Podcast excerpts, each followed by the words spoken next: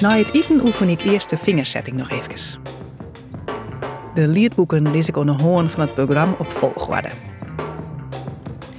Ik veeg je mijn althoorn nog even mijn poetsdoekje om mijn snuit en ik lees hem waarom in paken zijn oud, zwart verloers kofferke. De zilveren slotjes dicht, maar net op slot. Ik poets mijn tosken.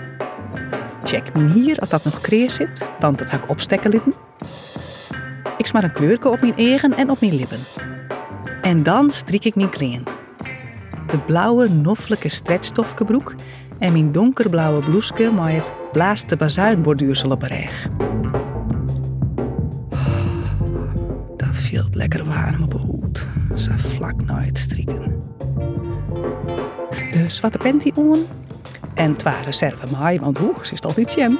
De broek eroverheen, de zwarte pumps on, een luchtje op, nog één keer in de spiegeltje en dan hop. Ik doe het al 24 hier. Ik regel je dat uw vaatjes ophangen worden, dat Elsie in een stoel had om op te zitten op zan wijze dat het publiek zich schenken en de spelers de dirigent. Er komen zwarte kartontjes onder de liedboeken, want dat E gaat wat mooier. En bij de koster regel ik de koffie. Vlak voordat we beginnen check ik echt nog gauw of de microfoons het doggen. Voor de meesten die het net komen kennen, maar al graag luisteren willen. Zo was mijn baken. Tjerke giet altijd terug, zei Baken altijd.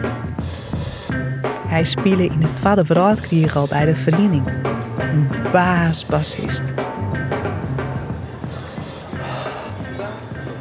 Het publiek is binnen. Ik sjoch. Het liedse famke in mij zie ik het paken. Ik sko naar het puntje van mijn stoel. Ik zet het liedboek op een stander. Ik iepen je mijn koffer. En die geur, die goud, zilveren, koperen geur, komt me in de midden. Baken.